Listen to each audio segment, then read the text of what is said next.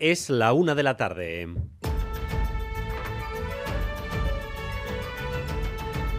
Crónica de Euskadi con Dani Álvarez. A Rachaldeón, las instituciones vascas se muestran comprensivas con el enfado de Petronor y Cuchabank por el impuesto especial del gobierno de España. Cuchabank ya tiene recurrido ese impuesto en los tribunales y Petronor anunció ayer aquí en Radio Euskadi que congela sus inversiones vascas mientras ese impuesto esté en vigor.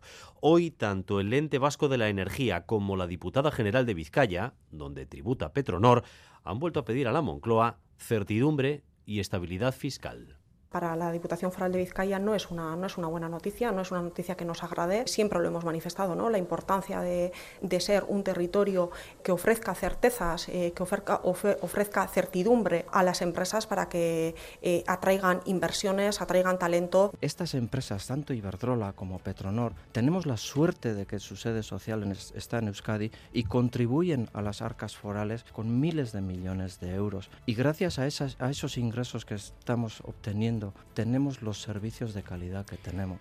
Hoy, por cierto, ha continuado la lista de bancos con resultados excelentes en lo que llevamos de año. Ha sido turno para el BBVA. Les vamos a dar en un instante la cifra.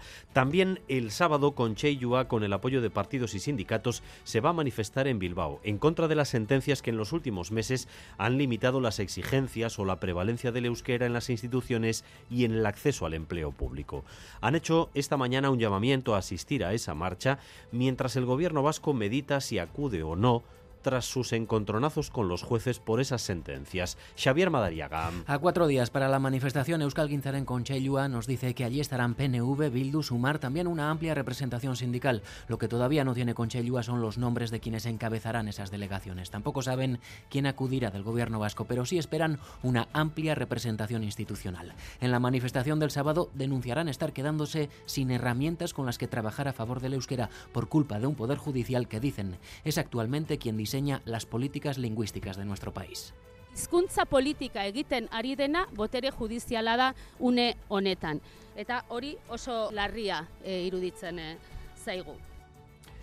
La infanta Leonor ha jurado hoy la Constitución española en una sesión solemne de las Cortes.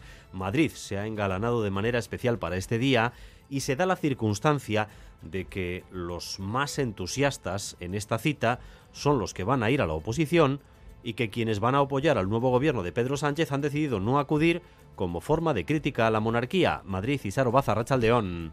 A Rachaldeón, sí, la princesa de Asturias, Leonor de Borbón, ya ha jurado ya ha jurado la Constitución y ha jurado hacer guardar y guardar la Constitución ante un Congreso que ha sacado sus mejores galas para recibir a la Casa Real. El centro de Madrid se ha parado por completo. No han acudido a la cita las piezas clave en la investidura de Sánchez, los partidos nacionalistas e independentistas Bildu, PNV, Esquerra, Junts y Benega. La representación de Sumar también ha sido mínima. De hecho, los ministros Vela, Ramontero y Garzón no han acudido a la Cámara Baja para mostrar su oposición a la monarquía. La princesa Leonor ya está en el Palacio Real para recibir la medalla de Carlos III. Se la entregará su padre, el rey Felipe VI.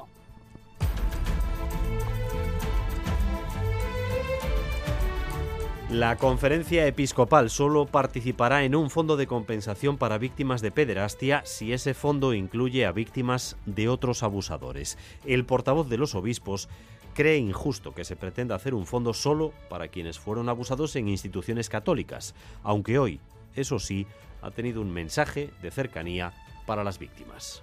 Es horrible, es lo que ellos han vivido y cuando te lo cuentan se te pone la carne de gallina. Pero yo creo que es una llamada a empatizar, a poder acompañar, sobre todo, qué hacer para que esto no vuelva a suceder. Y esta tarde noche llega la fiesta de Halloween o Arimengawa, una fiesta con un éxito imparable entre los más jóvenes. Una noche que de hecho rivaliza ya con la de Nochevieja en cuanto a ambiente nocturno. Hoy vamos a la nona, Lemo. Se llama Crazy Halloween y es la mejor fiesta del año. ¿Queréis bradar?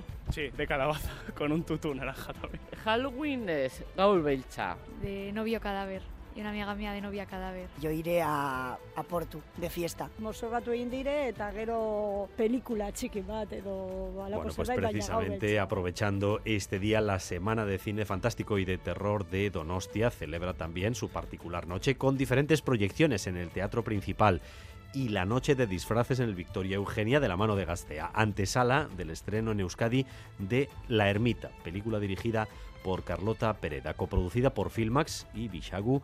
El film se ha rodado casi íntegramente en nuestro país y cuenta la historia de una niña que se enfrenta a la muerte de su madre, al espíritu de una niña encerrada en una ermita y que necesita la ayuda de una medium que interpreta Belén Rueda. La directora de esta película, La Ermita, Carlota Pereda, habla así.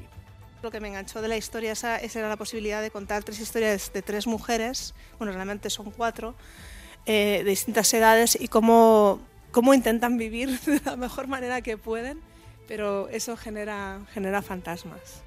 Vamos también con lo más destacado del deporte con Álvaro Fernández Cadierno, Arracha León Álvaro. Arracha León, baloncesto destituido Peña Arroya a las 5 se presenta en Gasteiz Adusco Ivanovic, cuarta etapa del montenegrino al frente de Basconia. Además en Bilbao, Asamblea de Socios Compromisarios del Athletic con un presupuesto de gastos de 133 millones y un déficit de 5 kilos tras descontarse 16 de la hucha del club y también hoy arranca la Copa. Hoy tenemos el Lorca Eibar.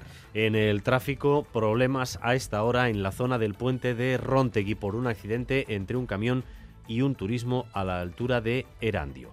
Circulación muy complicada en sentido que hecho con un carril cortado. Las retenciones afectan a esta hora al puente de Rontegui y también a toda la zona eh, cercana de la A8. Recuerden, puente de Rontegui, un accidente entre un camión y un turismo a la altura de Erandio complica la circulación, sobre todo en sentido Guecho. 688-840-840, número de WhatsApp de Radio Euskadi. Ha sido una mañana complicada en Vizcaya porque también a primera hora el incendio de un camión averiado ha obligado a cortar la Supersur en sentido Cantabria, sin heridos, eso sí, a pesar de los problemas que ha generado. Y a partir del miércoles tengan presente que llega una nueva borrasca llamada Kiaran. Va a entrar por Galicia provocando un nuevo temporal de viento, precipitaciones y también de nieve. Aquí nos vamos a ver afectados, pero menos. Mañana miércoles comenzaremos a notar una mayor intensidad del viento que para las 9 de la noche registrará rachas de 150 kilómetros por hora, Natalia Serrano. Para cuando llegue a Euskadi esa ciclogénesis explosiva será ya aquí temporal de viento.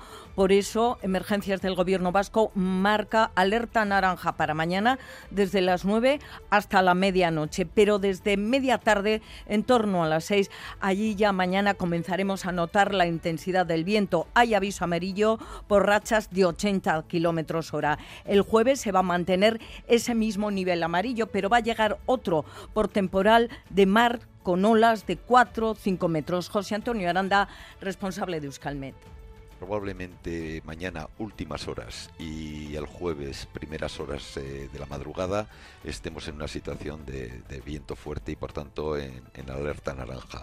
Pero vamos a tener viento fuerte eh, prácticamente hasta el domingo. Eh. Es una sucesión de borrascas y una situación del oeste muy fuerte que nos va a traer no solo viento fuerte, sino nos va, nos va a traer también muy mala mar en los próximos días.